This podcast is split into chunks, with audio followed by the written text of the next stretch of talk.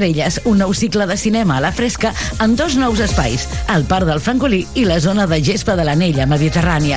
Del 25 de juliol al 13 d'agost, dimarts i diumenges, tens una cita a partir de les 10 de la nit i amb entrada gratuïta. Los tipos malos, Top Gun Maverick, Escape Room, Coda, Padre no hay más que uno 3 i històries para no contar.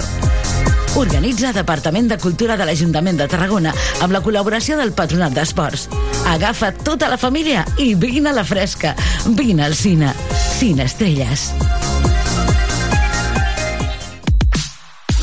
Aquest estiu tenim un pla. Et proposem que ens acompanyis cada matí. A canvi, t'apropem el territori. Et descobrim artistes quilòmetre zero. I els millors projectes de proximitat. Compartim receptes. I secrets gastronòmics. Fem estiu amb els protagonistes de la jornada. Perseguim plegats l'actualitat. I totes les tendències. Amb un ull posat a la platja. I també a la muntanya i a la piscina. Aquest estiu, obert per vacances.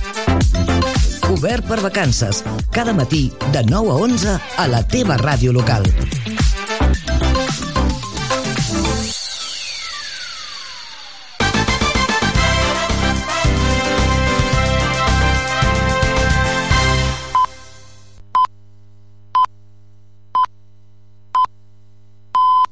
Molt bon dia, benvinguts al Mercat d'Estiu.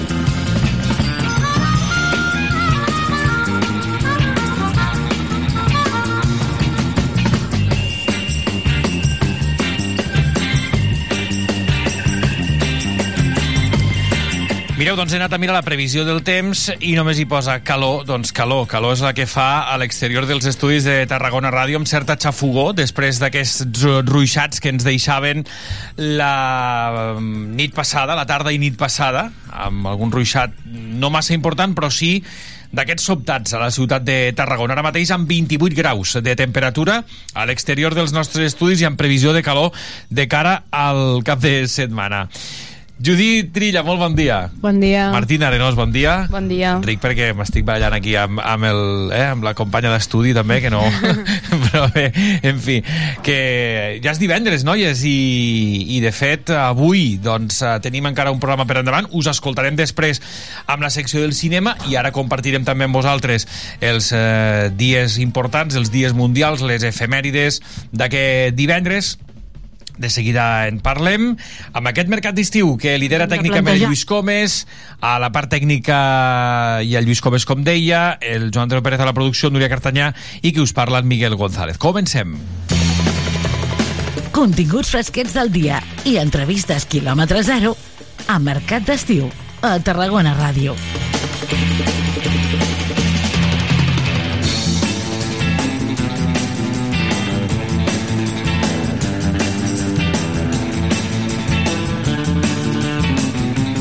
Quin serà el menú del mercat d'estiu d'avui? Doncs us els explico perquè ens quedarà un menú bastant festiu.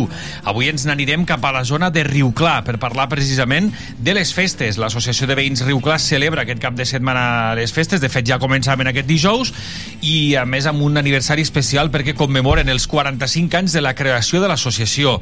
De fet, eh, les festes que tindran lloc fins eh, diumenge presenten concerts de rock, rebetlles, rumba, jocs, una nit de foc, l'homenatge també a la tercera edat i la primera Fira d'Entitats Solidàries. Per tant, també amb caire solidari aquestes festes. I continuarem parlant de rock, perquè si a Riu Clar ens proposen concerts de rock, a Sant Salvador aquest cap de setmana arriba el Sansa Rock. De fet, donarà el tret de sortida oficial a les festes del barri que seran l'altra setmana. Per tant, avui en parlarem amb un dels vocals que organitza aquest festival, el Jair López. Serà cap a quarts de 11, cap a quarts de 12, volem dir, del matí.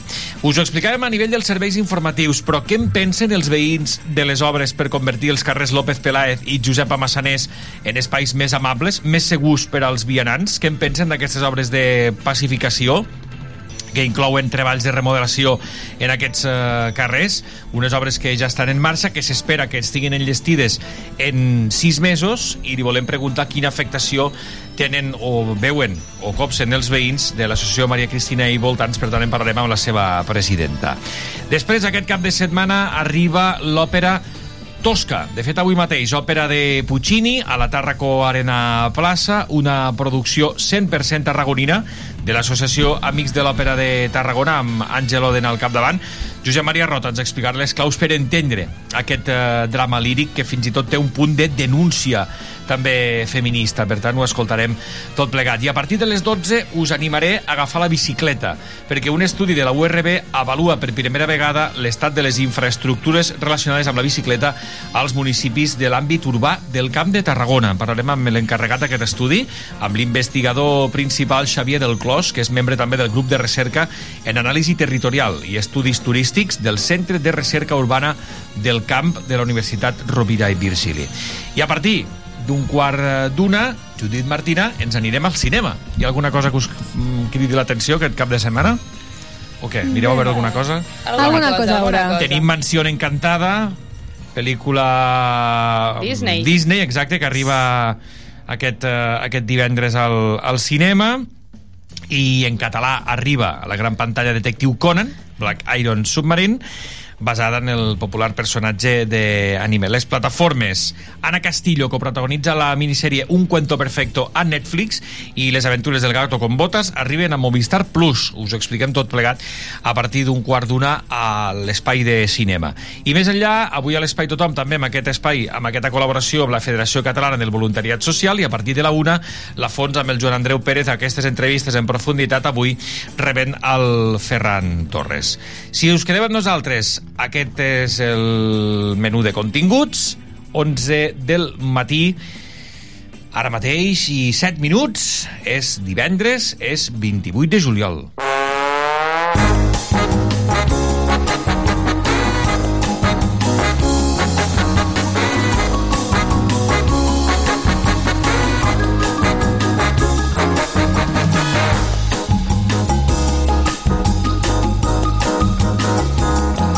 Tenim avui un dia mundial destacat, és el Dia Mundial contra l'hepatitis vírica.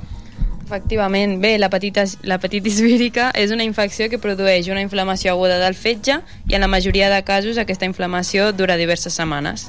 Eh, la manera més comú de contraure aquesta enfermetat és insertant objectes amb sang contaminada dins del nostre cos i l'objectiu d'aquesta data és impulsar a nivell mundial totes les iniciatives i estratègies que pugui realitzar el sector sanitari contra l'hepatitis vírica.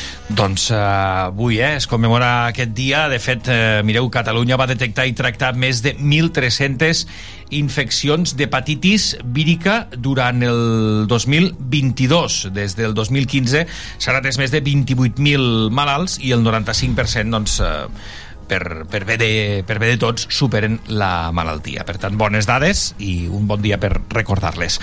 Anem a mm, coses que van passar tal dia com avui i ens anem cap a Andorra.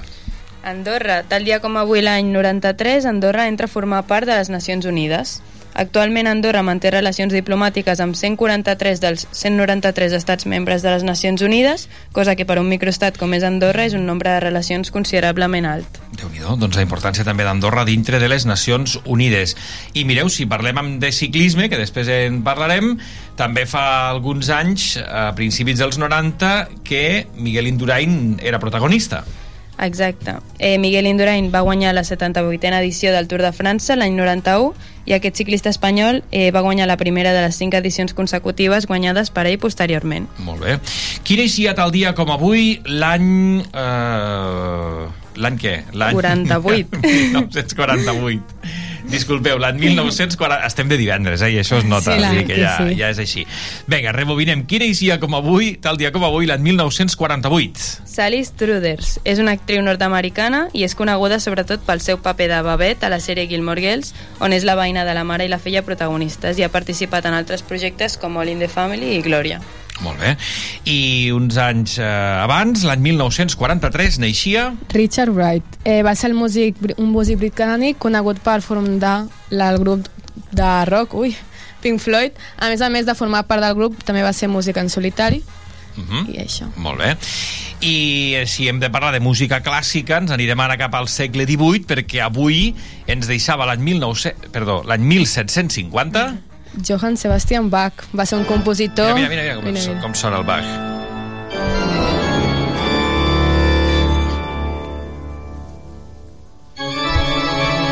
aquesta aturada que és com, no? Què passa, dramàtica, no? Ja, ja està dramàtica, dramàtica sí, total, sí, eh? sí. La... Això que és, Lluís, ajuda, amb la fuga en re menor, pot ser? Una cosa d'aquestes? Sí, eh? La fuga en re menor. Uh, Lluís diu, sí, sí, ara no sé si m'ha dit sí, sí, perquè sí que ho és, o com Sí, vulguem sí, dir calla, sí, sí, calla. exacte. Eh, no, sí, jo crec que sí que ho és, eh? Uh, bé, uh, Johann Sebastian Bach, que a tots ens uh, ve al cap, perquè... Va ser un compositor i director d'orquestra alemany durant el període del barroc. Entre les seves obres més conegudes es troben concerts de Brandenburg, Missa en si menor i Petita fuga en el sol menor.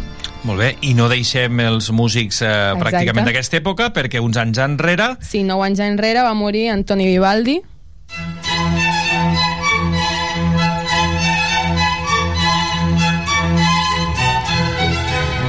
què va ser?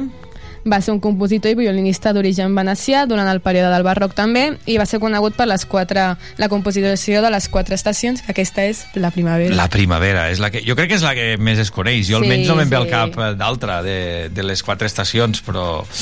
Però bé, doncs compositor clàssic, eh? I no cap altra professió, com, dèiem, com deia el nostre company abans a, a la redacció.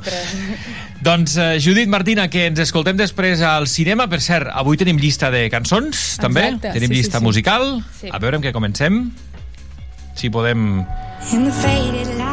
La reconeixeu? Sí, clar. Què és? Eh, solo Dance. Doncs amb aquesta cançó comencem el mercat d'estiu d'avui. But you're just in my way. I came to party on my own. Nobody in my soul. I get down to the beat, I lose control.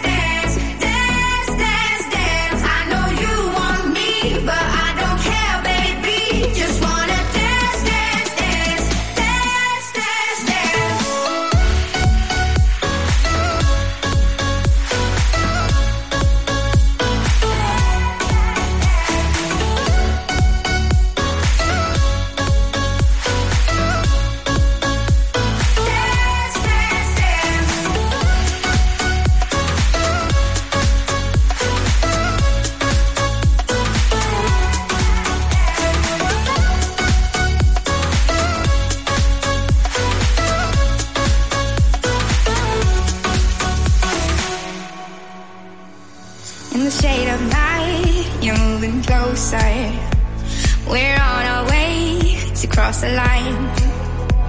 Think you got me right where you want me, but it's all in your mind. I came to party on my own. Don't need nobody in my soul. I get down to the beat, I lose control. Ayo, I go so, so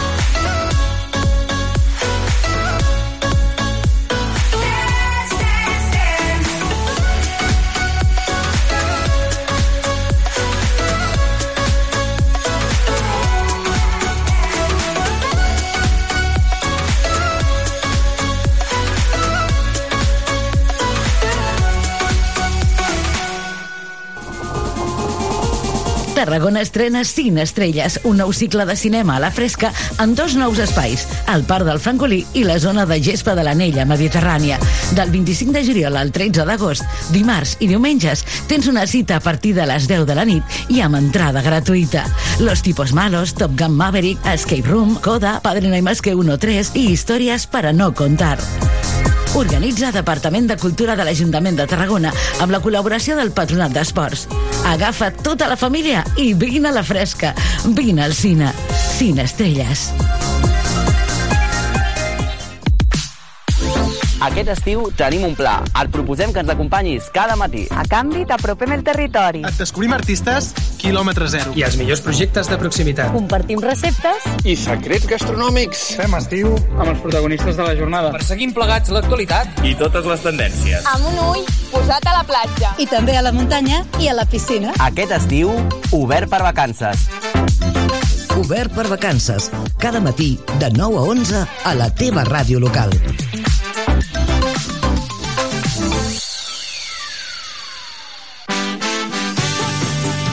Tarragona Ràdio som 40.000 oients. Anuncia't a la ràdio local líder en l'actualitat, entreteniment i informació tarragonina. Contacta amb nosaltres al 977 24 53 64 de 9 a 2 del migdia o escriu-nos a publicitat arroba emmt.cat perquè a Tarragona Ràdio t'escoltem.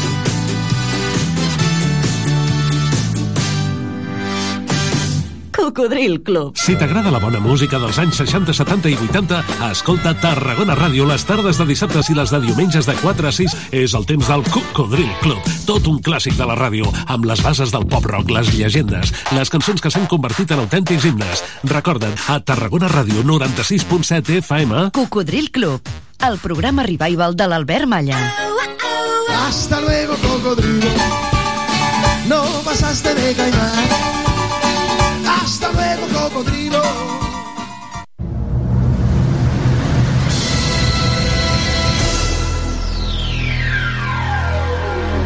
Cada dissabte a les 10 de la nit... En cabina, DJ Parry. DJ Parry, el DJ resident de Tarragona Ràdio, t'ofereix la millor selecció musical perquè et montis la festa allà on vulguis. Els darrers èxits musicals els trobaràs a Tarragona Ràdio, cada dissabte a les 10 de la nit i amb DJ Parry. Prova-ho i repetiràs.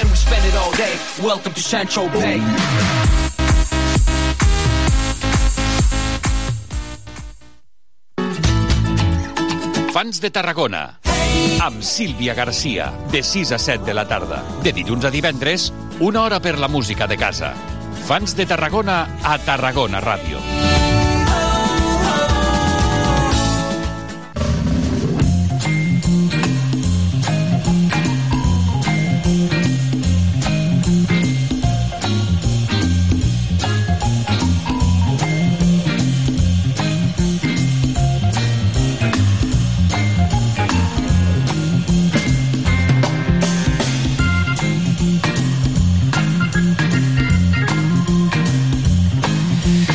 Doncs un divendres a les 11 del matí i gairebé, gairebé, gairebé 20 minuts és bona hora per anar a veure com estan les coses a l'Associació de Veïns Riu Clar, perquè celebren aquest cap de setmana les festes i, en més, i a més enguany amb una commemoració d'aquelles assenyalades. Saludem a través del telèfon al president de l'Associació de Veïns Riu Clar, el Javier Martí. Javier, molt bon dia.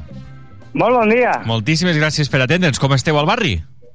Doncs bueno, avui amb una mica més d'alegria, perquè van començar les festes ahir i va una pluja una mica eh, que no van tindre allà, que van poder avui tenim un dia esplèndid. Javier, te sento una miqueta malament, no sé si hi ha algun problema de cobertura, ho dic perquè si et pots, si et pots eh, moure una miqueta, a veure si et sentim millor. Eh, em, veure- em deies que ahir vau començar les festes passades Sí. per aigua, no? Sí, una mica passades per aigua. M'ha sent millor? Ara sí, ara sí, millor. Perfecte, gràcies. Deies que vau començar les festes passades per aigua, què hi havia previst ahir i què va passar al finalment? Bueno, vam poder, encara que va ser una mica retrasat, fer l'homenatge a la tercera edat, que és algo que no volem perdre des de l'Associació de Veïns de Riu Clar, amb una participació bastant gran, ja que és un barri molt petit, de 72, 72 avis, i bueno, després teníem preparat un concert de rock que no es va poder fer. Uh -huh. Vaja, i això llavors ho podreu ho podreu ubicar o ja són actes que queden, que queden desfets, diguéssim? Eh, bueno, el concert de rock queda desfet, malauradament queda desfet el concert de rock, que això ja no es pot recuperar per... Uh -huh. Bueno, el temps eh, està com està, no? Clar. I, Bé, però doncs- bueno, avui avui hem, ha, ha sortit el sol, la plaça està plena de que estan fent activitats, estan fent el concurs de dibuixos, eh, eh, després farem més jocs infantils, i bueno, eh, es veu que la pluja d'ah- d'ahir, a lo millor avui ve la gent amb més ganes. Home, sí que és veritat que s'ha de llegir sempre amb una lectura positiva i, de fet, mira, doncs diuen que la pluja neteja algunes coses, no? Per tant, eh, que la gent també s'apropi amb ganes amb aquestes festes. Ara comentarem el programa, eh, Javier, però, clar, és quasi gairebé mig segle de la creació del, de l'Associació de Veïns. No? 45 anys de, de, de la creació de l'Associació de Veïns. Javier, crec que hem perdut el Javier eh, Martí, president de l'Associació de Veïns de Riu Clar. Eh, la trucada eh, doncs, eh, haurà, ja hau- haurà fallat, haurà tingut algun problema. Intentarem de seguida recuperar aquesta comunicació d'unes fe per continuar parlant d'unes festes que, com ens deia, doncs, han començat passades per aigua, amb la suspensió d'aquest primer concert de rock de la primera nit de festes, però bé, amb les ganes també de, de, de tots els demés eh, actes. Intentem recuperar de seguida la connexió amb Javier eh, Martí per continuar parlant d'aquestes festes de Riu Clar.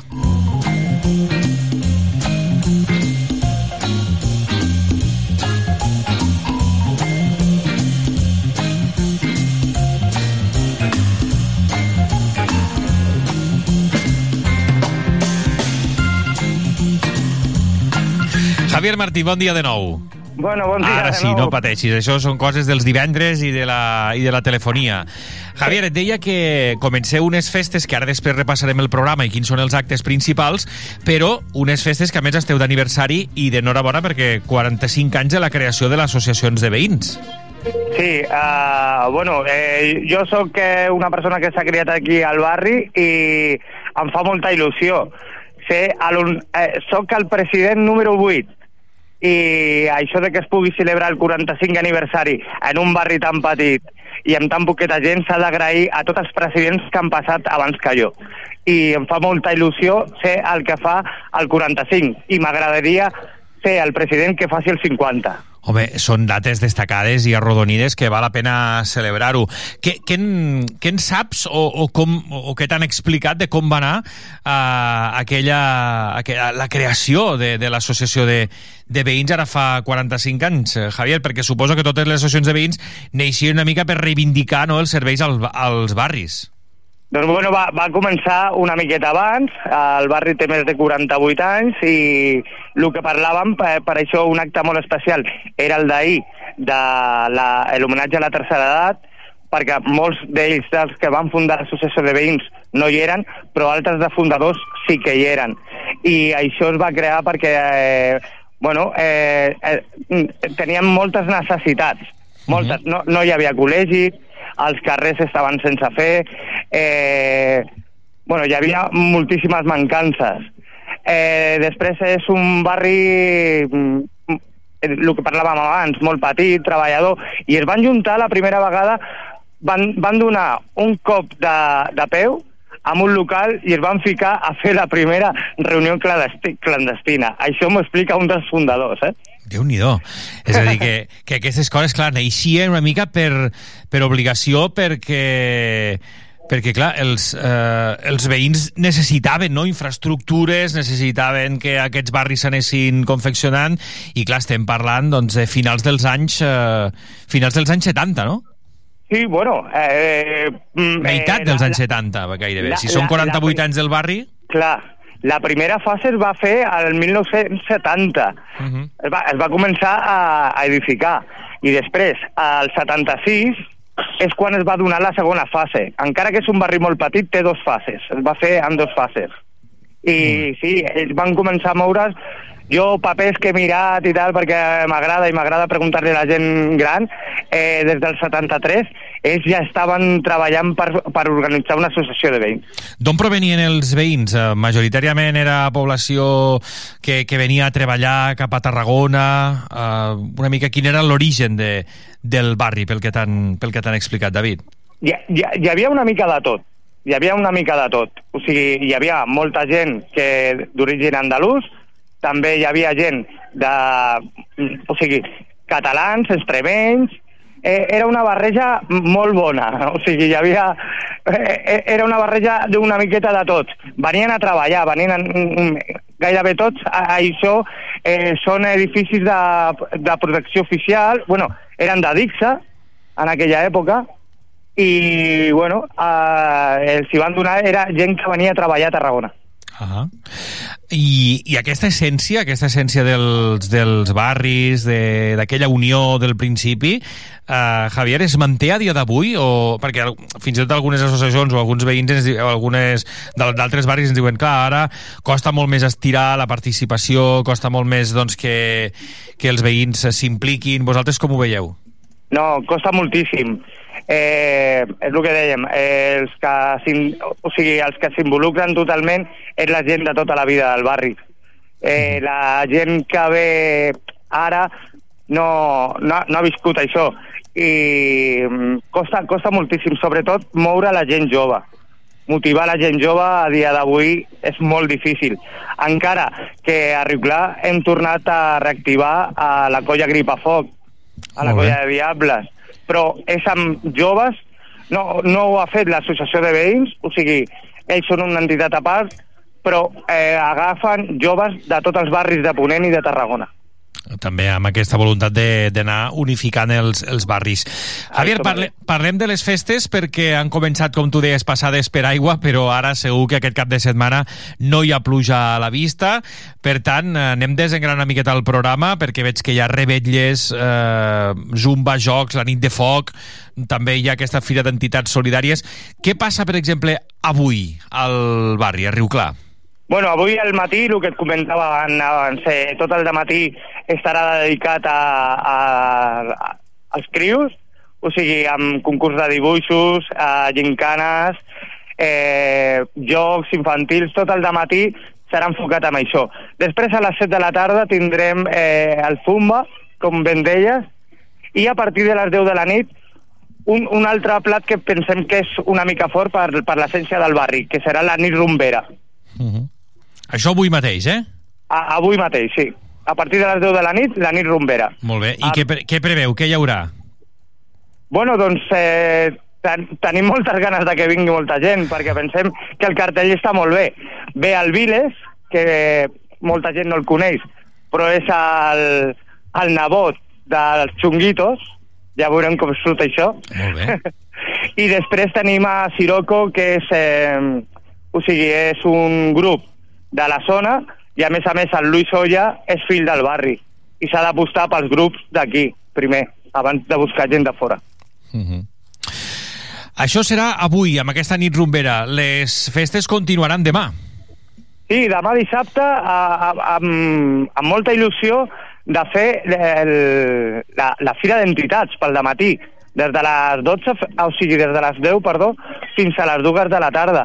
Venen entitats com Neyman Peak, Epilet, a l'Associació Deportiva Torreforta, hi haurà un munt d'activitats durant tot el matí, venen moltes més que s'anen afegint a aquesta fira d'entitats, que, bueno, esperem que sigui tot un èxit, més que res perquè aquestes entitats que treballen durant tot l'any i no tenen visibilitat, és la idea. El que volem és que tinguin visibilitat dintre d'unes festes eh, populars d'un barri. Per visibilitzar també les entitats que treballen eh, de manera solidària per diferents causes, com algunes de les que has anomenat. Què més destaquem d'aquest dissabte, Javier? Doncs bueno, a les 12 de la tarda que començarà el, el Vermut Rumbero amb el grup La Clave, el Manolo i la Vanessa, que venen també per, per poder col·laborar en aquesta fira d'entitats i a les dues de la tarda doncs, a la paella popular, això no pot faltar al barri. Clar, són sempre aquests àpats que atrauen, atrauen gent. Uh, Javier, per si els oients que ens escolten volen venir, què destacaríem ja de dissabte a la tarda i de diumenge?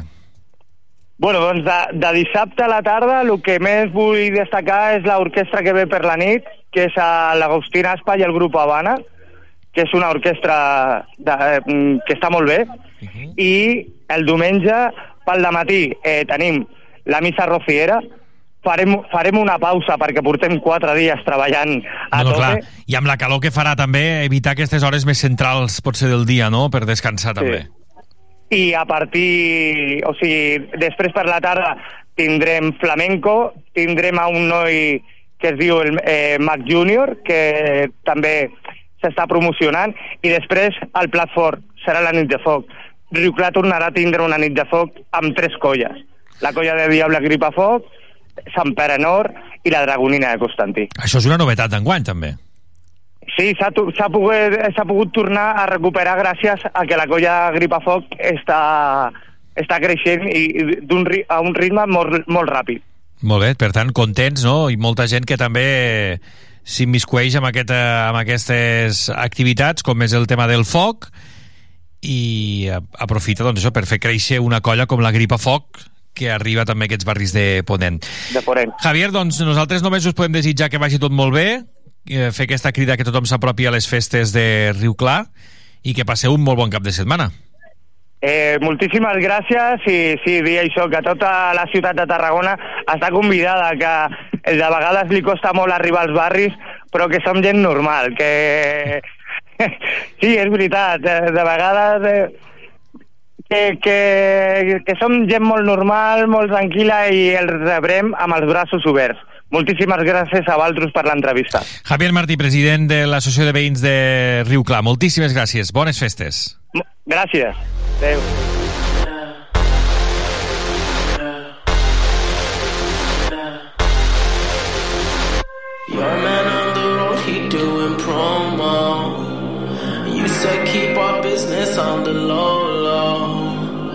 I'm just trying to get you out the friend zone.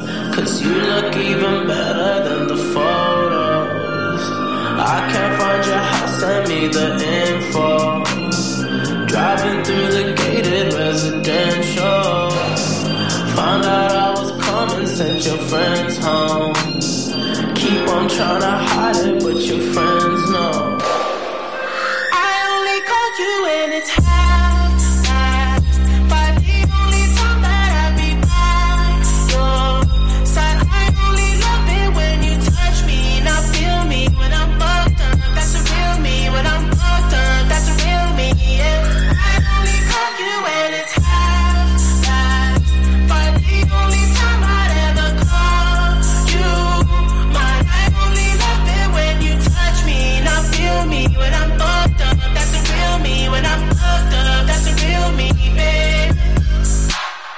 I'ma let you know and keep it simple.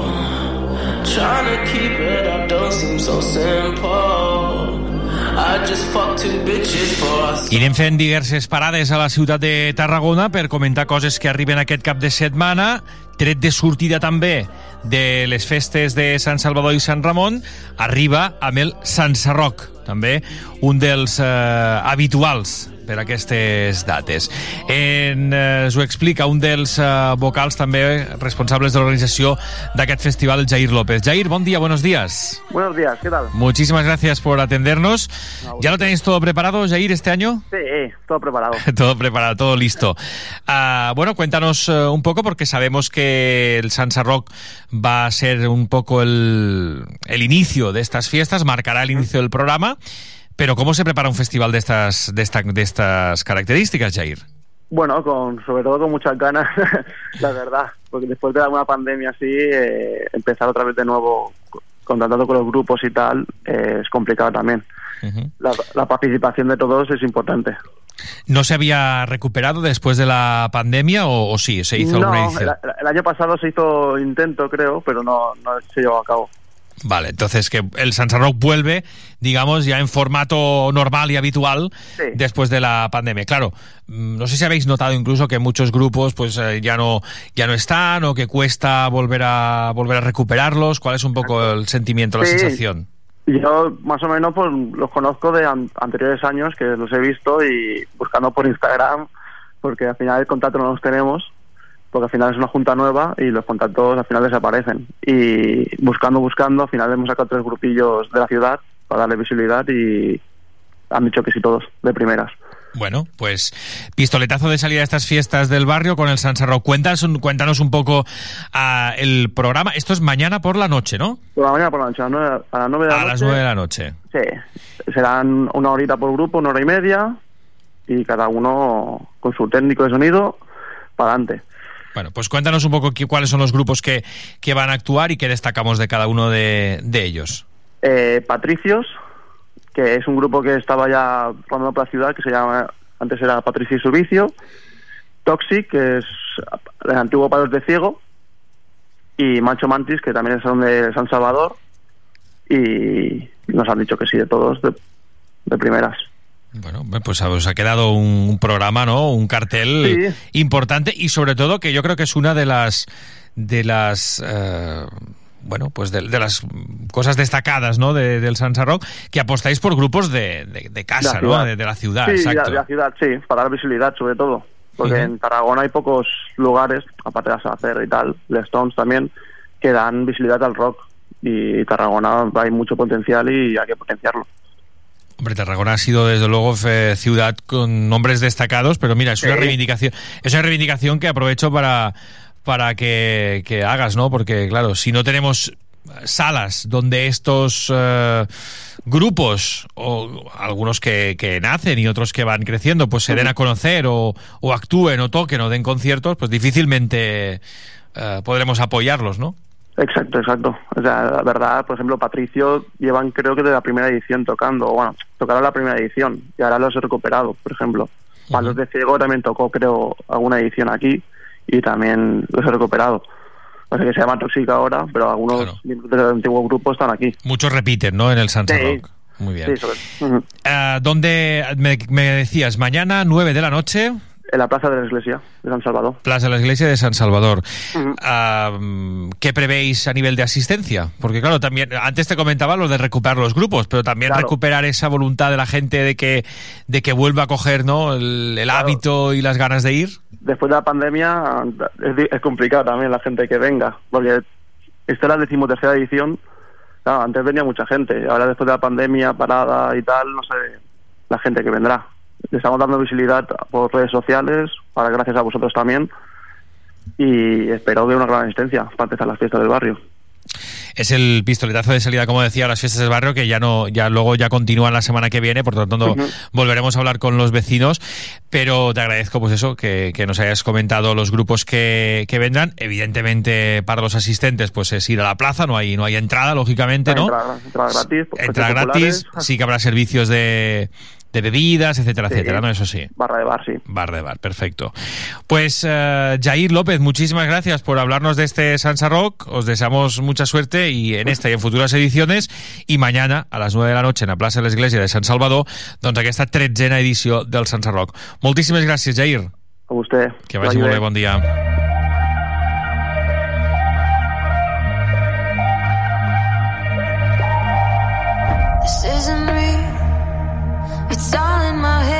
I can feel it. I'm imagining this. Can I wake up from this dream all over? Fall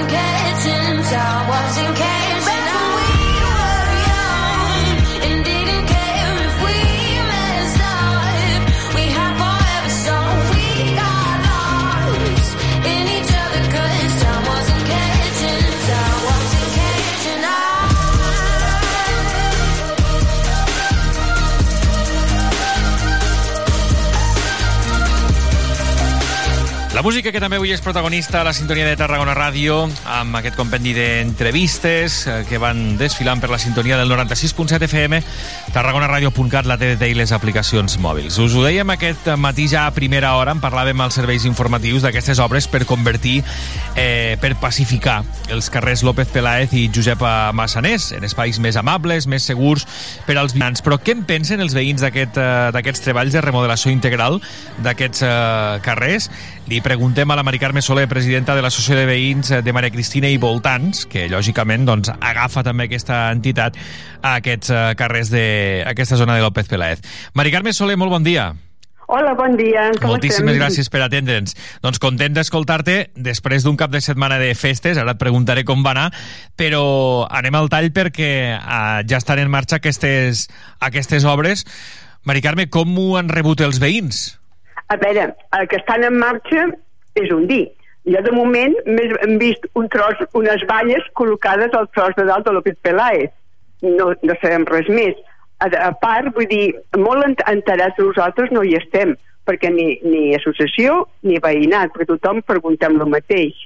Jo et puc comentar que eh, al gener del, del 2021 ha plogut, no ha plogut gaire, però ha plogut, doncs es vam enterar per la premsa de que es havia de, arreglaven aquest carrer. Llavors nosaltres eh, indirectament vam, vam intentar preguntar, llavors va vindre en aquell moment el senyor Javier Puig, eh, vam donar un tomet i va fer una mica d'explicació. Nosaltres, molt entès, no, no acabàvem de veure molt clar, però vam pensar, bueno, deixem que, que es facin les coses i potser ho entendrem més bé. Això ha passat molt de temps, després també va haver una presentació amb els medis de comunicació que nosaltres com a associació i com a veïnat no hi vam ser perquè no ens ho van dir. I, vull dir, i així ha anat després vam, ens vam entrar per la premsa de que el tros primer de Maria Cristina volien ampliar les voreres, que tampoc ho acabem d'entendre. Perquè clar, és un carrer si han d'ampliar el tros de càrrega i descàrrega i és un carrer de molt de trànsit. Vull dir, els veïnats no ho acabem, no ho acabem de veure prou clar, perquè aquell tros de carrer, vull dir, no hi ha cap passeig peatonal, el veiem una miqueta, hi ha un pàrquing, vull dir, a aquella plaça si han de tirar una paret perquè hi hagi una miqueta de jardinet, volen posar, volen fer una placeta, però vull dir, allí cap un pot de sol que enamora, vull dir, molt clar no ho tenim, i la gent pregunta, nosaltres també, però no sabem exactament què és el que s'hi farà. Molt bé. M més que estar en marxa, que em corregeixo, volia dir que ja s'han presentat. De fet, es presentaven aquest dijous a, a la premsa. De moment, l'únic que heu vist, pel que m'explicaves, són, són tanques, no pas màquines treballant encara. No, no, exactament. De moment més veiem, veiem tanques. Primer van dir que seria finals de juny, ara l'altre dia, per raons de les festes, me va, me va arribar la nota de que seria a partir del 24. Vull dir, és que, clar, tot, tots ho tenim així, pen, tothom està pendent de veure què és el que hi ha, què és el que s'hi farà, com, com anirà. Vull dir, és que una, una explicació molt ben explicada no l'hem tingut. Uh -huh. I uh, això també clar, i, els veïns. Això anava a preguntar, imagino que llavors això genera queixes uh, amb els veïns, no?, que evidentment els hi afectarà uh, o que ja els hi ha començat potser a, a afectar uh, unes sí. obres que en principi estan, uh, estan pressupostades i de fet esta, la, la, sí. la intenció és que, que acabin sí. o que durin fins a sis mesos, per tant això, Exacte. clar, entenc que... Oh, sí. sí, sí, sí, sí. Vull dir, perquè primer hi havia, havia veïnat que es pensava que la part primera del Betelai, que dona Rovira i Virgili, no, no, dic que aquesta és segur que no, que solament és la part de dalt però clar, la gent pensa, a part de l'Alma, sempre Massaner, és un carrer una miqueta conflictiu, perquè vull dir, no té com a, té una sortida a de Catalunya i, i allí han tingut moltes queixes de, de, de, de, de drogació, de botellons, aquelles coses que, que és, és un carrer una miqueta i que amagat, una mica així conflictiu. Llavors allí no hi ha cap tipus botigues, ni hi ha res, i llavors, clar, és que allò, tots estem pensant a veure què és el com quedarà, què és exactament el que hi faran, perquè també hi ha una sortida de pàrquing, si és peatonal, ui, la sortida de pàrquing també ha de ser en, en cura, no? Sí. Vull dir, tenim així, bueno, nosaltres deien, no, si treuen la paret de Saavedra, això fa de contenció. Dic, bueno, no ho sé. Eh, Clar, les persones que ara parquen a, a, a, a les persones que, que guarden del seu, el seu cotxe, que utilitzen no, aquest aparcament sí. Saavedra, doncs també imagino que, que quedaran afectats, clar. Sí, per això dic, és que eh, sempre que jo comentava amb els veïns, amb, amb una botiga, home, sí, sí, i quan han de fer alguna cosa, si tinguessin la cosa de, de abans de començar, doncs, parlar i dir, mira, tenim aquesta intenció, pros, contres, i veure, però és que mm, no, això no ha sigut, i això no, no acostuma a ser normalment. I vull dir, també és una llàstima, perquè vull dir, eh, ens pregunten, nosaltres el primer que diem, doncs, exactament tampoc ho sabem, sabem que eh, la intenció era fer això, però clar, també nosaltres també som entrat per la premsa, vull dir, Uh -huh. Clar, sí, sí. doncs... No, eh, a veure, la idea, que pot ser que sigui una idea molt bona, jo no dic que no, però clar, eh, no la sabem ben bé com, com va, i des de bé, clar, això, això ve de l'any finals del, del 20 i començament del 21, o sigui que la cosa ha, ha sigut tipus llarga, oh? Uh -huh. Doncs, Mari Carme, uh, t'agraïm que... Vull dir, sap greu, però... No, no, no, no al contrari, és l'opinió de, dels veïns i és com, i és com no ha de ser. Dir, no puc dir res més perquè vull dir, tampoc n'estem molt, molt enterats de com, de com ha d'anar això. Mm. Eh? Mari Carme, com han anat les festes aquest cap de setmana? Esteu contents? Eh, Sí, dintre de tot estem, estem contents perquè vull dir, clar, com també vam fer com una proclama de que si no sortíssim més voluntariat a donar un cop de mà ho teníem negre, doncs bueno, sembla que sí, que això també ha tocat una mica la fibra i que la gent vol continuar. Esperem que les bones intencions que vam tindre doncs es mantinguin i per nostra, doncs, bueno, no ens podem queixar, vull dir, participació, no, bueno, no, no, no tanta com anys enrere, però bueno, pues no, mica en mica la cosa s'ha anat animant. Doncs vinga, que quedin aquestes bones intencions i que perdurin i que continuen. Mari Carme Soler, presidenta de l'Associació de Veïns de Maria Cristina i Voltants, moltíssimes gràcies. Moltes gràcies a vosaltres. Que vagi bé, bon dia. Adéu.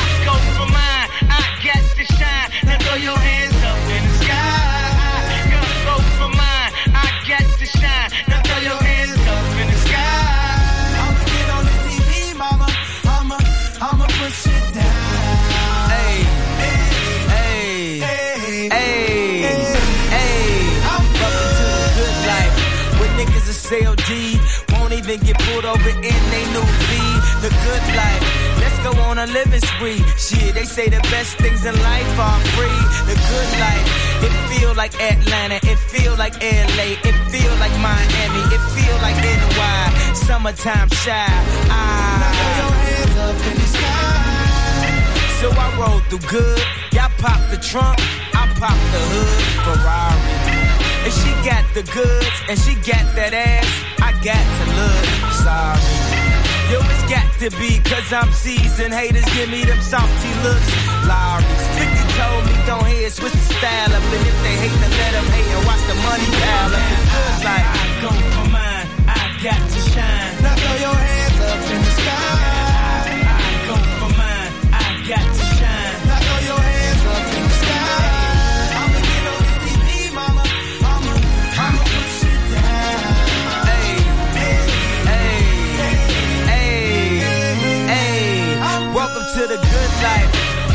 The girls who ain't on TV cause they got more ass than the models. The good life. So keep it coming with the bottles so she feel booze like she bombed at Apollo. The good life.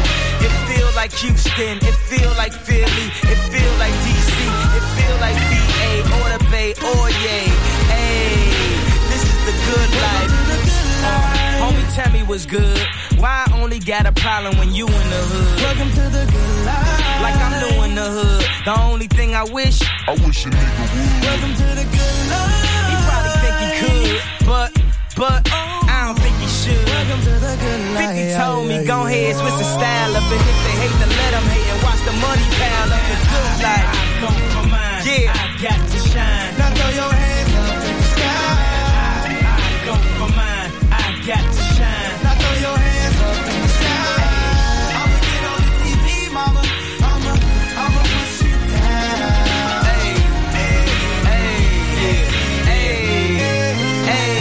Have you champagne on a plane?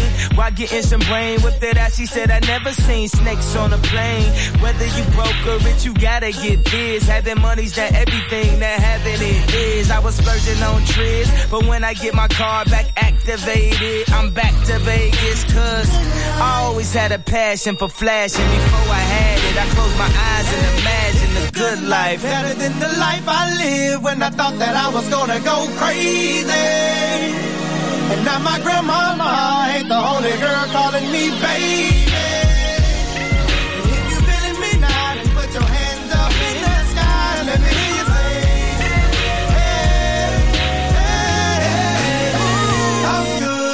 Mercat d'estiu.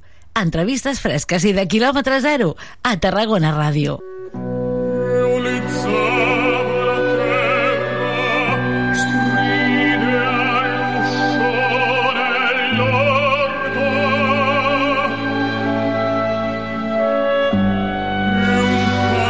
És Tosca, òpera de Puccini que arriba a la Tàrraco Arena Plaça, una producció gairebé 100% tarragonina, diria, amb l'Associació Amics de l'Òpera i també amb Àngel Òdena.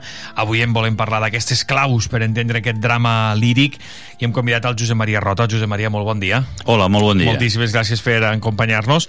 Gairebé 100% tarragonina aquesta producció, no? O amb molt de toc tarragoní, Sí, sí, diguéssim. sí, sí, una, producció- una producció de, Tarragona a Sí. Tarragona i per Tarragona. Arriba avui, no?, a la Tarraco Arena Plaça. Sí. Perfecte. No en parlarem tant d'aquest concert, que ja en vam parlar també amb l'Àngel amb l'Àngel Òdena, sinó precisament del que amaga o del que, del que suposa doncs, aquest Puccini, no? aquest drama líric, que fins i tot té un punt de denúncia, eh, de denúncia feminista, Josep Maria. Sí, de fet, la majoria d'òpera és, en el fons, feminista, perquè la protagonista acostuma a ser gairebé sempre el personatge femení. De fet, aquesta òpera, el títol que porta és el de la protagonista. És a dir, en, en el món de l'òpera eh, hi ha òperes que es diuen de tenor i òperes que es diuen de soprano perquè realment hi ha més importància en un paper que en l'altre. En el cas de Tosca, mm, vocalment no és tan així, és a dir, la part de tenor i soprano i fins i tot del baríton estan molt equilibrades, però sí, sí, queda clar que la protagonista dramàtica és ella, al voltant de qui gira tota l'acció. Uh, pels qui no estem tan acostumats o pels qui no en som experts, doncs uh, va molt bé que, que ens hi doneu o que tinguem explicacions una mica prèvies no? pel, que, pel que anirem a, a veure. Uh, què, què hem de destacar d'aquesta òpera? Bueno, què, què és important és- conèixer o què és important saber? És important saber que el, el món de l'òpera eh, és un món molt ampli, amplíssim, però que actualment ha quedat bastant reduït, o que es va reduir en un temps, i han quedat les grans obres. I Tosca és una d'aquestes grans obres. És a dir, si, si estéssim amb, amb, amb condicions de fer un rànquing, doncs segurament que estaria entre les 20 o 25 òperes més conegudes, més famoses. Això segur. Per què?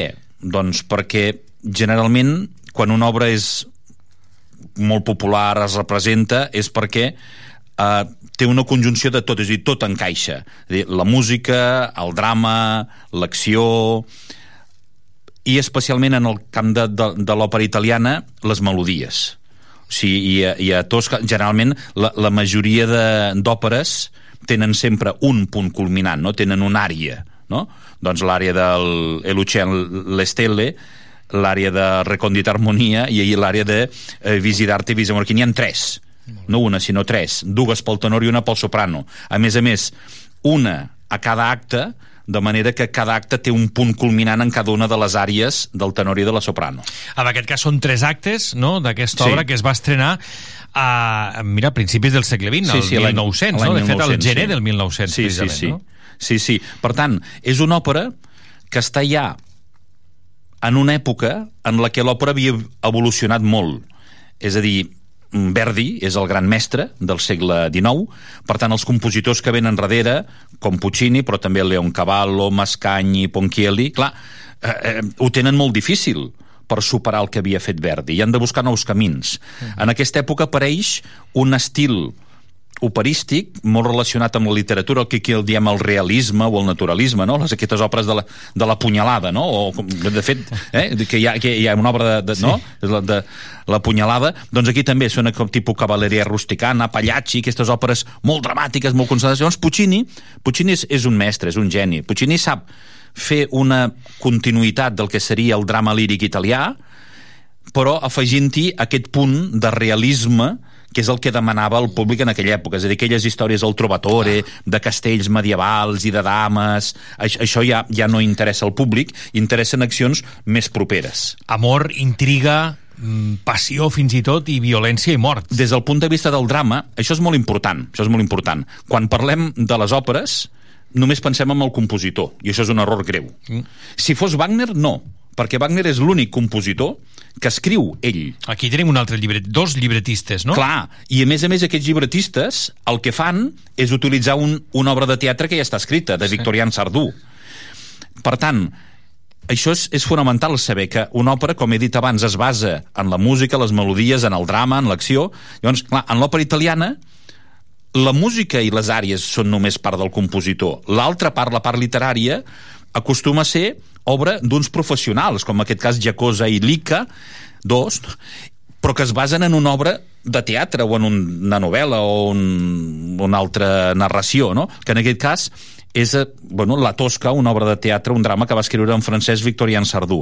Això és una cosa molt curiosa de, de Puccini. Uh -huh. Puccini només escrivia una òpera quan havia vist abans l'obra de teatre i sabia que l'obra de teatre funcionava com a obra de teatre. Aquest és el cas, per exemple, de la Butterfly. Fins que no va veure el drama de, de David Velasco, quan va veure aquell drama de David Velasco, llavors es va posar... I això ho hem de portar a l'òpera. D'això en pot sortir una òpera. Quan, eh, I una altra cosa molt curiosa de Puccini és eh, l'enveja dels altres compositors. Quan veia que un altre compositor mostrava interès per un drama i fer-ne una òpera, deia, senyal que això és bo. I aquest és el cas, per exemple, de la Bohème. I és el cas de Tosca. En el cas de la Bohème ja hi havia un compositor que l'estava escrivint, que en aquest cas era Leon Cavallo. I Puccini s'hi va avançar. I en el cas de, de la Tosca és curiós perquè el compositor havia de ser un altre, havia de ser Franchetti. I Puccini, amb bastantes males arts, va fer que Ricordi, l'editor, convencés el pobre Franchetti i l'enganyés, perquè el va enganyar, perquè renunciés a fer l'òpera i la pogués fer ell. Això, això donaria per una metaòpera, eh? Això una... donaria sí, sí, sí. per parlar-ne molt. Ah, escolta'm, i un dels actes eh, o una de les parts destacades, diguéssim, que, que potser a tots ens sona, és el Te Deum. Sí, és el, és el punt culminant de l'acte primer. És, és, un moment, és un moment, com tots, és a dir, els compositors, igual que els que els dramaturgs busquen no? un final a cada, a cada acte, aquí el compositor, a més a més, hi afegeix la música. Clar, representa que estem a, en una església, a Roma, a més a més, vull dir, en aquest cas Sant Andrea de la Valle, és una església magnífica que, que, que està allà al Corso Vittorio Emanuele, si no m'equivoco, i, i és clar, canten un Te Deum, el Te Deum és un himne de lluança a Déu, en acció de gràcies, i per altra banda el contrast amb el dolent de la pel·lícula que en aquest és dolent, dolent, dolent que és el, el Baró Scarpia que és el cap de la policia de Roma que té una passió mm, ensegada per la cantant Floria Tosca i que en aquell moment deixa anar una frase que és Tosca mi fai dimenticare Dio no? és a dir, fins i tot m'oblido de Déu no? estant jo aquí al mig de l'església i, i amb aquesta celebració solemne les meves passions eh, em, em fan fins i tot oblidar de Déu. És un moment d'un dramatisme i d'un efecte musical espectacular. Això pel que fa, hi ha d'altres moments culminants, eh, perquè jo crec que hi ha el, el, uh, aquest acte que és, uh, vaja, doncs... Uh, dramàticament no? eh, molt potent, tot, tot, tots ho són però hi ha punts eh, àlgids de l'òpera que qui pugui en aquesta nit a veure doncs ho, ho percebrà i, i si no l'han vist abans doncs jo crec que, que és una d'aquelles obres que com tu deies s'han d'anar a veure i s'han de gaudir què més en destacaríem? Home, mira, per exemple, a l'acte segon, has dit el moment culminant sí. de l'acte, a l'acte segon és l'àrea d'ella, de Floria Tosca. Ella veu com estan torturant el seu promès, el seu novi, i el cap de la policia li ofereix el xantatge que és si tu ets meva, perdonaré la vida al teu promès, si no, el faré afusellar. Uh -huh. Clar, i ella es troba amb aquesta disjuntiva. Llavors canta la seva àrea, vici d'arte, vici d'amor, és a dir, ella és una noia que ha viscut de l'art, ha viscut de l'amor. Hi ha un moment molt bonic, també molt tendre, que és quan diu que va portar les seves joies pel mantell de la Mare de Déu, que portava flors a l'altar, vull dir, és una noia pietosa, és a dir, és aquest contrast no, entre tan bona persona com és ella i en canvi aquest patiment, aquest sofriment en el que es troba ara, eh? Déu meu, perquè em fas patir d'aquesta manera. I l'altre punt culminant, naturalment, és l'acte tercer, que es concentra també molt amb l'àrea d'ell, l'àrea del el que se diu el addio a la vita, l'adeu a la vida, quan ell recorda com havia conegut a Tosca, Mario Cavaradossi, que està esperant-se perquè la fugell, perquè l'han de fusellar, és aquest el, el Luce van l'Estele, no? És una àrea magnífica que va creixent, va creixent, va creixent un estil no, de composició molt modern, ja molt de, de, del segle XX, no? de, de l'estil Puccini barreja el que és la tradició italiana del bel canto amb tot el sinfonisme wagnerià i al final, no? quan ella tosca doncs, després de matar el baron Escàrpia, veure que maten el seu promès pensant-se que seria un afusellament fictici, i realment no ho és, està clar que no, i ella es llança de dalt baix, des de Castel Sant'Angelo es llança al buit, no? que, és, que és un moment clar d'aquests culminants de, de, de l'òpera. Doncs, Josep Maria, uh, t'estaria escoltant estona, però ho hem de deixar aquí perquè tenim altres entrevistes. T'agraeixo moltíssim eh, que ho hagis vingut a explicar, perquè segur que ens ajuda moltíssim a, a, entendre a les persones que puguin doncs això, veure, veure l'obra aquesta, aquesta, aquesta nit a la Tarracorena plaça. Josep Maria, moltíssimes gràcies. Gràcies a vosaltres, com sempre. Que vagi molt bé, molt bon dia. Gràcies, bon dia. Moll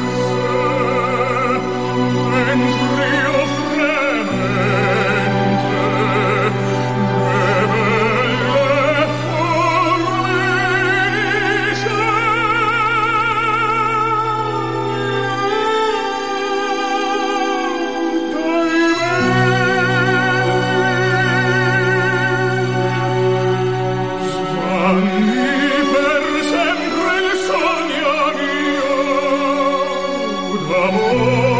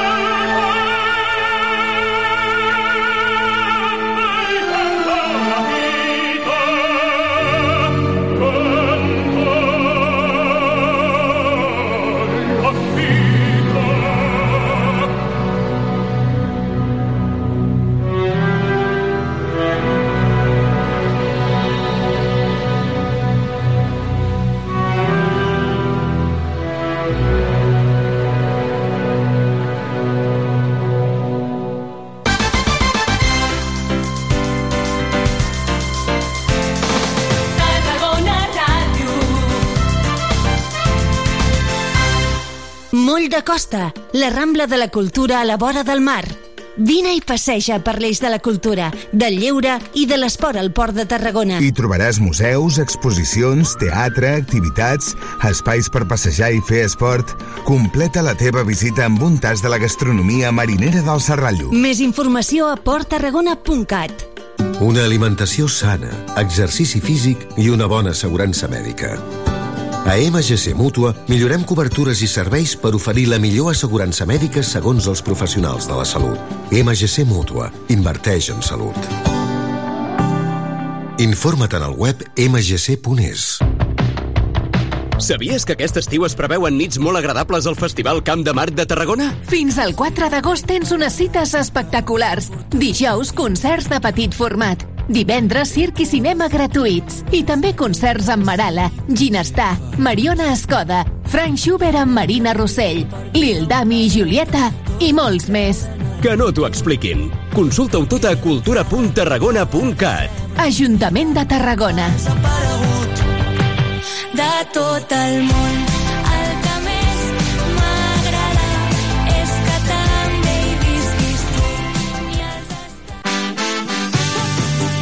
A Tarragona Ràdio som 40.000 oients. Anunciat a la ràdio local líder en l'actualitat, entreteniment i informació tarragonina. Contacta amb nosaltres al 977 24 53 64 de 9 a 2 al migdia o escriu-nos a publicitat arroba emmct.cat perquè a Tarragona Ràdio t'escoltem.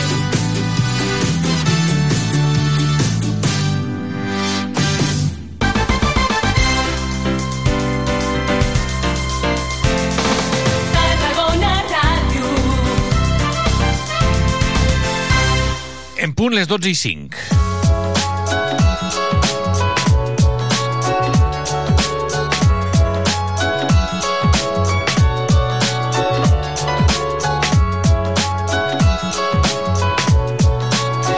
Un estudi de la Universitat Rovira i Virgili ha avaluat per primera vegada l'estat de les infraestructures relacionades amb la bicicleta als municipis de l'àmbit urbà de Tarragona. En volem parlar durant els propers eh, 10 minuts a la sintonia de Tarragona Ràdio. Saludem a través del telèfon l'investigador principal d'aquest estudi, el Xavier del Clos. Ell és membre del grup de recerca en anàlisi territorial i estudis eh, també turístics i del Centre de Recerca Urbana del Camp de la Universitat Rovira i Virgili. Xavier del Clos, molt bon dia. Hola, bon dia, com esteu? Moltíssimes gràcies per acompanyar-nos. Uh, Xavier, un estudi d'aquestes característiques, a quines conclusions arriba pel que fa a l'estat de les infraestructures relacionades amb la bicicleta? Uh, Tarragona, per exemple, aprovaria amb, l'ús amb, uh, amb la situació d'aquestes infraestructures? Bé, més que aprovar o suspendre, jo crec que el, el que es constata amb l'estudi que hem realitzat el, el, aquest any passat és que els diferents consistoris que, que, que analitzem dins de l'àmbit urbà del Camp de Tarragona estan fent doncs, coses per, per millorar l'estat de la infraestructura, s'està construint nova infraestructura, doncs el que cal o el que detectem nosaltres que cal ara és doncs, fer l'esforç de, de, de pensar en col·lectiu, d'una visió més supramunicipal i no que cadascú vagi fent pel seu compte, sinó també entendre que això ha de ser una infraestructura metropolitana al cap i a la fi per poder doncs, garantir que la gent l'acabi utilitzant, no? perquè el- l'objectiu no deixa de ser aquest. És a dir, que no es tracta tant de, de veure què fa cadascú per la seva banda dins de la seva ciutat, que també, no? perquè també és necessari, sinó que fem en conjunt. No? Una, pel, que, pel tant, el que entenc que es demana és més actuació en conjunt. Sí, sí, perquè diguem que el, tothom ja a hores d'ara, 2023, ja tenim clar que, que, diguem que el futur de la mobilitat ha de passar per, per apostar per la mobilitat activa i sostenible i la bicicleta n'ha de ser una, una part clau en això, n'ha de jugar, jugar un rol clau en això. I dins de, de- per tal de promoure en el seu ús, sabem també per, per la literatura acadèmica que hi ha sobre el tema que en, que en contextos en, el que, en els que s'utilitza encara poc la bicicleta, com és el nostre cas, el que només un 1% dels desplaçaments de- d'aquest àmbit es fan en bicicleta, és molt poquet, doncs en un context com aquest, en el que encara s'utilitza poc, el rol que té la infraestructura és, és determinant. Nosaltres hem fet una enquesta com a part de l'estudi, la primera enquesta que s'ha fet en aquest àmbit mm, relacionat amb la bicicleta i ens diuen els encastats, la població encastada, que um, el, la manca d'infraestructura o, o, que, o les condicions d'aquesta infraestructura és el factor clau que expliquen que no s'utilitzi més. Per tant, la infraestructura és la principal barrera d'adopció, no? La manca d'infraestructura és la, prim, la principal barrera d'adopció. El cert és que els percentatges són, en- són baixos, no? Tu ara parlaves d'un 1% i un altre del que se'n desprèn de l'estudi és que el 5% de l'àmbit urbà del Camp de Tarragona la utilitza algun cop a, a la setmana. Sí, són, són dos dades diferents que a vegades eh, s'han d'explicar per entendre-les. Aquest 1% que jo comentava són el 1% dels desplaçaments que es realitzen quotidianament a l'àmbit urbà del Camp de Tarragona i això és una dada que ens dona l'enquesta de mobilitat quotidiana que fa l'Autoritat Territorial de la Mobilitat l'any 2020. Per tant, ens està dient que un de cada 100 desplaçaments um, es realitzen en bicicleta, això és una dada, i de la nostra enquesta el que vam preguntar, vam fer una pregunta una mica diferent, que és de la població, no? amb quina freqüència, la població, amb quina freqüència utilitza la bicicleta algun moment de la seva setmana. I la resposta va ser que un 5% de la població en algun moment de la seva setmana utilitza la bicicleta com a mitjà de transport, que aquí, aquí això també s'ha de dir, eh? estem analitzant la bicicleta no des del punt de vista recreatiu, esportiu, sinó la, la, la bicicleta com a mitjà de transport quotidià. D'acord. Eh, Fas bé explicar aquestes dades perquè a vegades eh, criden a, a confusió si no ho expliquem bé, Sí. lògicament. Uh, el, 7, eh, el 73% diu que la manca d'infraestructures o la mala qualitat, eh, com tu deies, és la principal barrera. Què han de fer els ajuntaments, a banda d'aquest treball conjunt que tu re reivindicaves ja al principi, cap a on han d'anar? És a dir, a, a, estem ja en un punt on entenc que, dema, que es demana ja una actuació. Eh, per tant, estem parlant de treballs almenys a curt i mig termini. Com es podria millorar això i, per tant, aquest percentatge d'acceptació i, i d'ús al final? Sí, nosaltres, ja, pel que hem vist, en una de les parts del projecte és que ara mateix, a dia d'avui, bueno, a dia de, de finals d'any passat, hi havia uns 140 més o menys quilòmetres d'infraestructura construïda en aquest àmbit i pels propers anys hi ha una previsió de que, que aquest, aquest, aquest valor gairebé es dupliqui. No? Per tant, ara que, que estem en aquest punt d'inflexió i en aquest punt tan, tan clau, cal doncs que això, primer el que deia abans, no? que, que hi hagi una estratègia compartida de, de diguem, sí, no sé si consensuada, compartida és la paraula, és a dir, amb una visió supramunicipal, primer, i segon, a nivell més de detall, doncs que la infraestructura, també basant en els resultats de l'enquesta, quan més fàcil sigui de d'entendre, quan més segura aparegui, quan més evident sigui la infraestructura, més èxit tindrà. No? I, I amb això em remeto a una de les preguntes que vam incloure a l'enquesta, que bàsicament vam mostrar a la població encastada una sèrie de fotografies amb diferents escenaris d'infraestructura, amb diferents qualitats, diferents tipologies, diferents dissenys, i el que es desprèn d'això és el que comentava ara, no? que les, aquells escenaris amb, amb, que, que es valoren més positivament per part de la població són aquells en els que apareix una infraestructura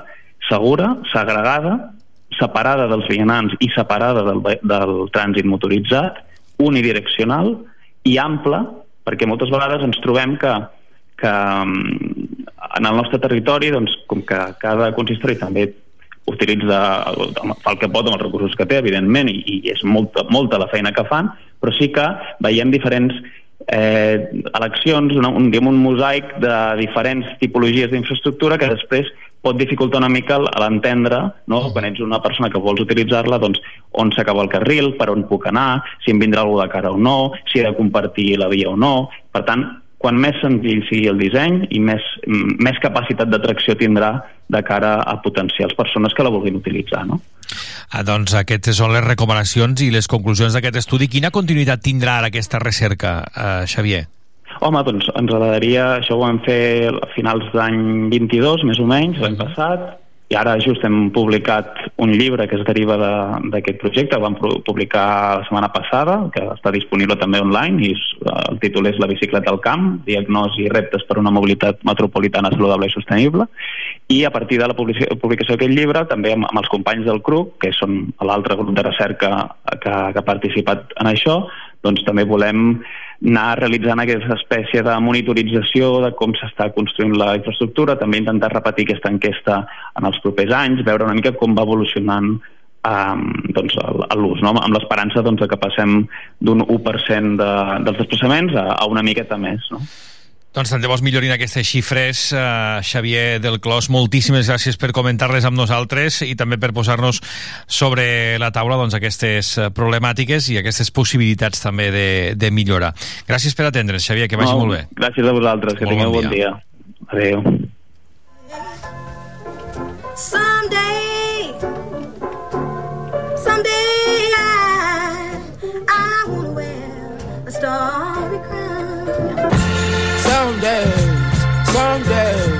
Someday, I wanna lay down like God did on Sunday.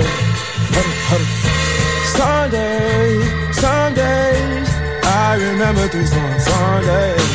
That way, yeah, way, way, that day. Mm-hmm. Uh, someday, I wanna a bite. Someday. I wanna hit the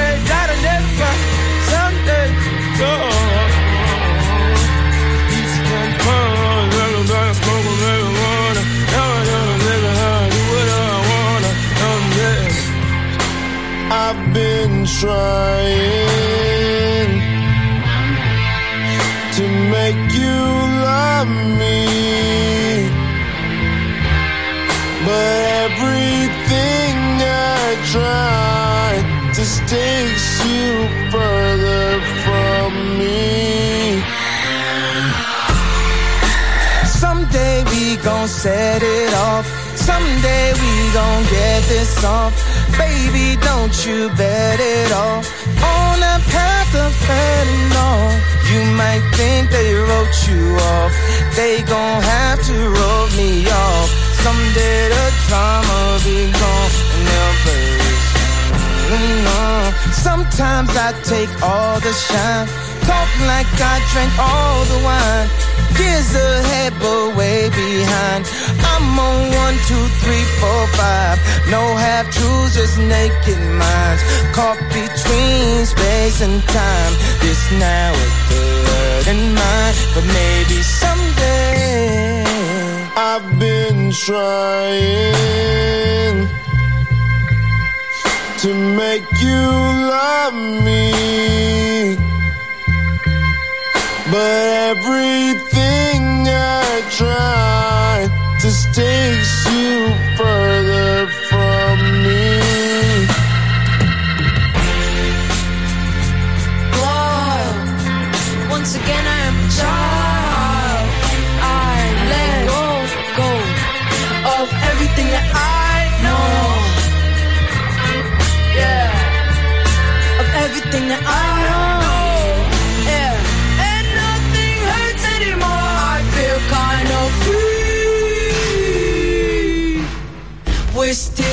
kids we used to be.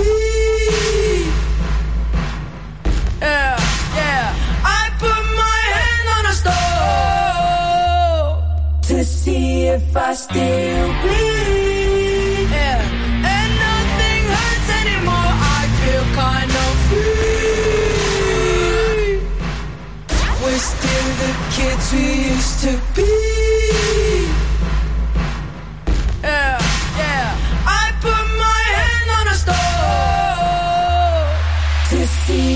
I still bleed. Yeah. And nothing hurts anymore. I feel kind of free. We're still the kids we used to be.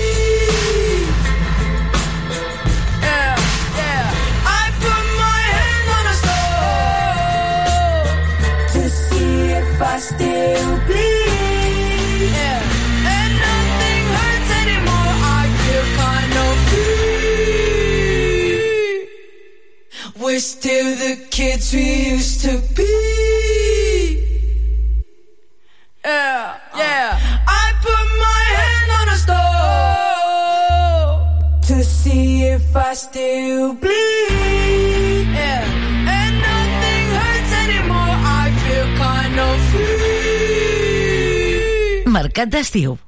Tarragona Ràdio.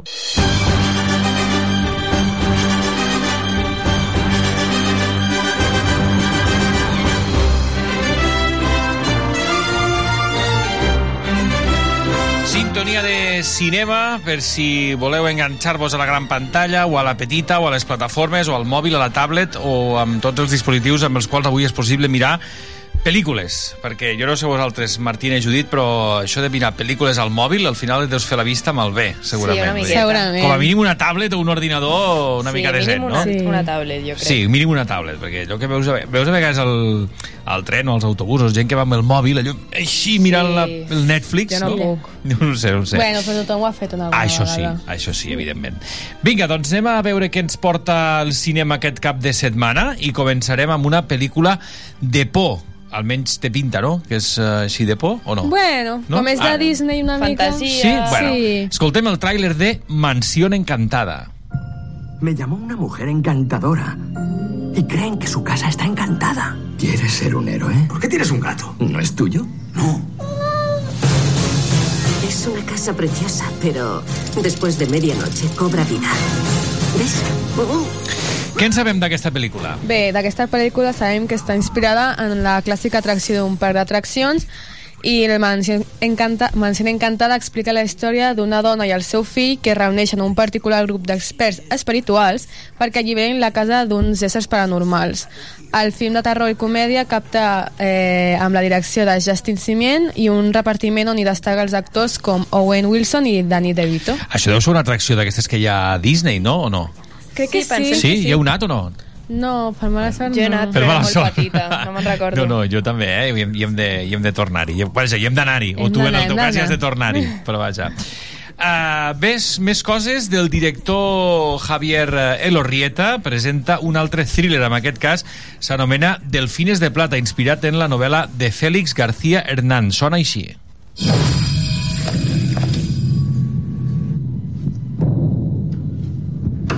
Os aviso que lo que estamos haciendo roza la ilegalidad más absoluta. Nadie nos ha ordenado que espiemos al ministro. ¿Nos veremos mañana? com a mínim inquietant, no? Sí, suspense, suspense. Explica'ns. Bé, amb Rodolfo Sancho, Will Shepard i Maria Blanco, el drama presenta un hotel de luxe de Madrid que és objectiu d'un grup terrorista internacional per fer un atemptat que serveixi d'altaveu al món occidental. Treballadors i clients, policies, polítics i artistes es veuran envoltats d'uns dramàtics successos que es posaran en risc l'estabilitat del país. Eh, un comissari de policia haurà de desarticular la cèl·lula terrorista abans que es produeixi l'atemptat i tot plegat qüestionant les ordres del nou ministre de l'Interior amb relacions secretes. Veurem, doncs, aquest thriller amb uh, terrorisme també incorporat. I arriba un dels personatges de còmic més estimats de casa nostra, almenys pels fans del Shinichi, torna en català Detectiu Conan Black Iron Submarine. Ja t'ho vaig dir, Sherry. No tens escapatòria. La boia del Pacífic, un centre de la Interpol al mig de l'oceà. Doncs ara tenim accés a les càmeres policials de qualsevol país del món. No sé si éreu molt fans de Conan, Martina, Judit. A mi Jo em- la veritat Jo que no. sí. A mi em recorda aquells migdies del 33 o del 3XL, no sé com es deia el canal, però del K3 ja pot ser o del Super 3, no ho sé, però vaja, que el feien a migdia, allò de tres capítols, Sí. i, i déu-n'hi-do. Dirigit per uh, un director amb un nom complicat. És una mica complicat. A veure si el sé Ho dir. intentem? Va, va. Va. Yuzuru Tachikawa. Home, Ole, bé, ole. Tachikawa, sí, sí, Vinga. clar, conegut. Eh, qui no ha anat a dinar amb el Yuzuru Tachikawa? claro. Jo vaig anar ahir, per- per exemple. Què presenta aquest director? Bueno, eh, presenta una nova aventura d'en Conan i el seu grup d'amics, bueno, i el seu grup d'amics, sí, enginyers de tot el món s'han reunit a l'illa de, a veure si ho dic bé, Hachigojima, en una operació que connecta els sistemes de càmeres policials de tot el món i permet el reconeixement facial. Mentrestant, en Conan i els seus amics visiten la mateixa illa per veure balenes. L'activitat es veurà interromp interrompuda quan s'inventen de l'assassinat d'un treballador de l'Europol a Alemanya. Europol, sí. Sí, sí, l'Europol Alemanya, exacte. Doncs, eh, en fi, és eh, aquesta proposta que arriba al cinema. Altres propostes, Cata de Vinos o Más que Nunca. També pel·lícules que arriben als cinemes, eh, com per exemple Medusa Deluxe, de Thomas eh, Hardiman, un drama d'intriga criminal ambientada en un concurs de perruqueria. I també arriba una relectura moderna del mite de Don Juan de Molière. Noies. Bé, a la comèdia del director francès Serge Boson, que s'estrena subtitulada en català, presenta un Don Juan que ha deixat de ser un home que sedueix a les dones. En aquest cas, el personatge s'obsessiona amb una única dona, la que va abandonar. Molt bé, doncs també una relectura de, del drama de Don Juan. I en animació per a tota la família arriba a gran velocitat, en aquest cas, Rally Road Racer. Sona així.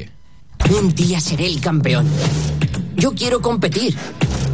¿Mm? Próximamente. El rally de la ruta de la seda va a ser una super pasada. ¿Ya tienes la vitrina? Pero si aún no lo has ganado. Pero lo haré. Pareces muy seguro de que lo ganarás. ¿Y a si mi no sé si em apostamos? crida massa l'atenció aquesta, eh? Judit, tu què en penses? No, jo crec que li agradarà més a la teva filla, jo Ah, crec. pot ser sí, pot ser sí. Digues, digues, què en sabem? Bueno, sabem que el director Ross Benocourt firma les cintes sobre uns corredors amb automòbils que compleixen en un rally d'alt risc en, el famós, en la famosa ruta comercial Silk Road. Anem a les plataformes perquè Netflix estrena eh, aquesta setmana diverses propostes, eh, com per exemple Desaparecida, el caso Lucy Blackman, que ja ha arribat aquest dimecres a la plataforma, Martina. Sí, tracta sobre un auxiliar de vol de British Airways que va anar a viure a Tòquio i va desaparèixer. S'estrena també a la plataforma el 20... Ahir es va estrenar a la plataforma The Lady of Silence, de Mata Viejitas Murders. Sí, sí. Vaya no, vaya no. Déu-n'hi-do, déu nhi déu el títol. I també aquest divendres arriba a la plataforma la minissèrie Un cuento perfecto, amb Ana Castillo i Álvaro Mel. Tenim tràiler? Sí, l'escoltem. Él es David. Y ella es Margot. Y lo que pasa en esta historia es que mm, ambos nos ayudamos a superar a nuestros ex. No puedo seguir con alguien que se empeña a vivir como si fuera un crío. La veu inconfusible d'Anna Castillo, que l'hem reconegut. Què passa a Un cuento perfecto? Bé, la Margot, després de fugir de la seva boda, sent que ha perdut el nord, però el que no sospita és que el David i el seu caos és el que necessita per tirar endavant. Clar. Basada en una novel·la, no, Judit? Sí, exacte. Està basat en la novel·la d'Elisabeth Benavent, Un cuento perfecte. Molt bé. Doncs mira, aquesta potser sí que me la miro, eh? Ja sí, és una Sí. minissèrie, en aquest Mira, cas. doncs ja tenim, ja tenim plan per al cap de setmana, Exacte. eh? que això ja s'ha estrenat a, avui. Uh, Netflix estrena també aquest divendres la segona temporada, a veure si ho dice, di bé, de DP, El caza de Sertores i la comèdia Capitán Fall. El mateix dia també la plataforma ofereix el documental Cómo se convirtieron en líderes de secta i haurem d'esperar fins al 31 de juliol per veure la segona temporada de l'anime Bastard. I si anem a l'HBO Max, eh, s'ha estrenat també el nou documental Los tiburones del Cabo Cod. El mateix dia s'estrena també la quarta temporada de Harlem Quinn i el, avui mateix la segona temporada de Teenage Eutanàsia, la sèrie d'animació per adults sobre una família propietària d'una empresa funerària. La segona temporada de Good Omens s'estrena també a l'Amazon Prime a vídeo. Qui m'ho explica? Sí, jo t'ho explico. que crec que m'he saltat un, un, una, una intervenció, disculpa. No, no. Bueno, pues és una adaptació de l'obra de Neil Gaiman i Terry Pratchett i mostra la segona part de la sèrie centrada en l'apocalipsis i en com la humanitat es prepara pel judici final. I Movistar Plus estrena també aquest divendres El gato con botas. Sí. Un... un, un, un ah, ja ho diré bé. El gato con botas, un último deseo. ¡Ole y ole! ¡Tú, lánzame! Y el resto, que suene la música. ¡Eh, gigante! Aquí sí que tenim també una veu Reconeguda. destacada, eh? I Sí, reconeguda. Bé, Antonio Banderas tornarà a donar vida al particular gat de DreamWorks en la segona entrega de les aventures en solitari i en aquesta ocasió el personatge haurà d'enfrontar-se al repte més dur que és acceptar que ha gastat gairebé totes les seves vides i que ha de cuidar d'ell mateix, però ben aviat descobrirà la manera de recuperar aquestes vides. Mm, les set vides del gat, eh? Quan els hi queden poques veuen allò... Sí, en veuen- aquest cas li han donat dos més, però... Sí, sí, li han donat vida extra, no? Com als Sí, videojocs. sí. Filmin oferirà la setmana vinent la tercera temporada de Sanditon. Exacte. La exitosa sèrie d'època britànica que adapta del clàssic de Jane Austen, una escritoraza. Mhm. eh, en aquesta ocasió, la Charlotte torna al balneari amb el seu promès, però veurà un altre cop en el Calborn la trasbalsarà. I Apple TV Plus estrena també La fiebre de los peluches Vini, o Beani, no? Sí, Vini, jo crec. Vini. El film explica la història de TV Warner, un venedor de joguines frustrat que la col·laboració amb tres dones el porta a convenir una bogeria en una idea mestra. Crea uns pelutxos pels quals mig món es torna boig i així l'enginyosa història analitza què i qui valorem de la mà d'herois anònims. déu nhi peluixos també que protagonitzen eh, pel·lícules, eh, vaja, mm, sèries a, a les diferents plataformes. Martina, Judit, doncs eh, us he d'agrair aquesta col·laboració amb la secció del cinema. Ha estat un plaer compartir amb vosaltres aquests dies. Quan començàveu la vostra singladura a Tarragona Ràdio? El 3 d'agost. 3 de juliol. Ai, sí. 3 de juliol. Mireu què passava el 3 de juliol a les 11 i quart del matí. A Tarragona Ràdio sonava això. I escolta, com que no en teníem prou, hem incorporat a la Judit i la Martina. Molt bé, doncs eh, ara, ara us canviaré el nom, el cognom, vale? perquè no me'n recordo Jo el tenia exacte. apuntat i no se l'he apuntat. Judit Trillas, bon dia. Ara. Sí, bon dia. Sí? Ho he dit bé? Sí. Fantàstic. Martina Arenas, bon dia. Bon dia. Arenós. Moltíssimes gràcies. Arenós, Arenós, da Arenós, igual. t'he canviat el... Molt bé, fantàstic. igual. Tornem a començar. Judit Trillas, bon dia. Bon dia. Martina Arenós, bon dia. Bon dia. Ja Judit està. Trilles a més, eh? No, sense... Tornem a començar. Ju- Judit Trilla, bon dia. Martina jaleo. Arenós, bon dia. Bon dia. Són Ara sí. maques perquè no ens... No ens Doncs sí, som magues perquè no ens vau, corre... Vaja, Però- ens vau anar corregint, però... Jo tinc que dir que no em vaig donar compte, eh, que me vas ficar ese. Ah, sí, sí. per bueno, això jo és que- deia, sí, sí. Clar, clar, no, no, està clar.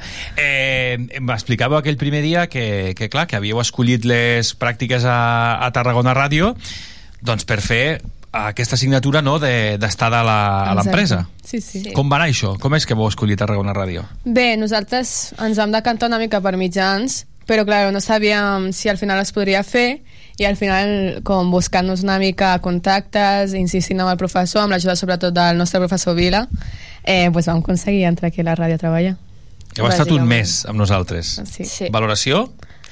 Molt bé. Sí, La veritat, estem molt sí. contentes, us agraïm molt tot el que heu fet per nosaltres i deixar-nos estar aquí. Doncs eh, per nosaltres ha estat un plaer compartir micròfon, compartir feina amb vosaltres. No sé si en un futur eh, us voleu dedicar al món de la comunicació. Si és així, o a, a on sigui, doncs esperem que, que les zones ens tornin a creuar. Per ja tant, que sí. Judit Trilla, Martina Arenós, ens hem après bé els noms. Molt Moltíssimes exacte, gràcies. sí. Que passeu un molt bon estiu. Igualment. I que us vagi bé tots els... Eh, molts èxits amb tot allò que feu. Moltíssimes Moltes gràcies.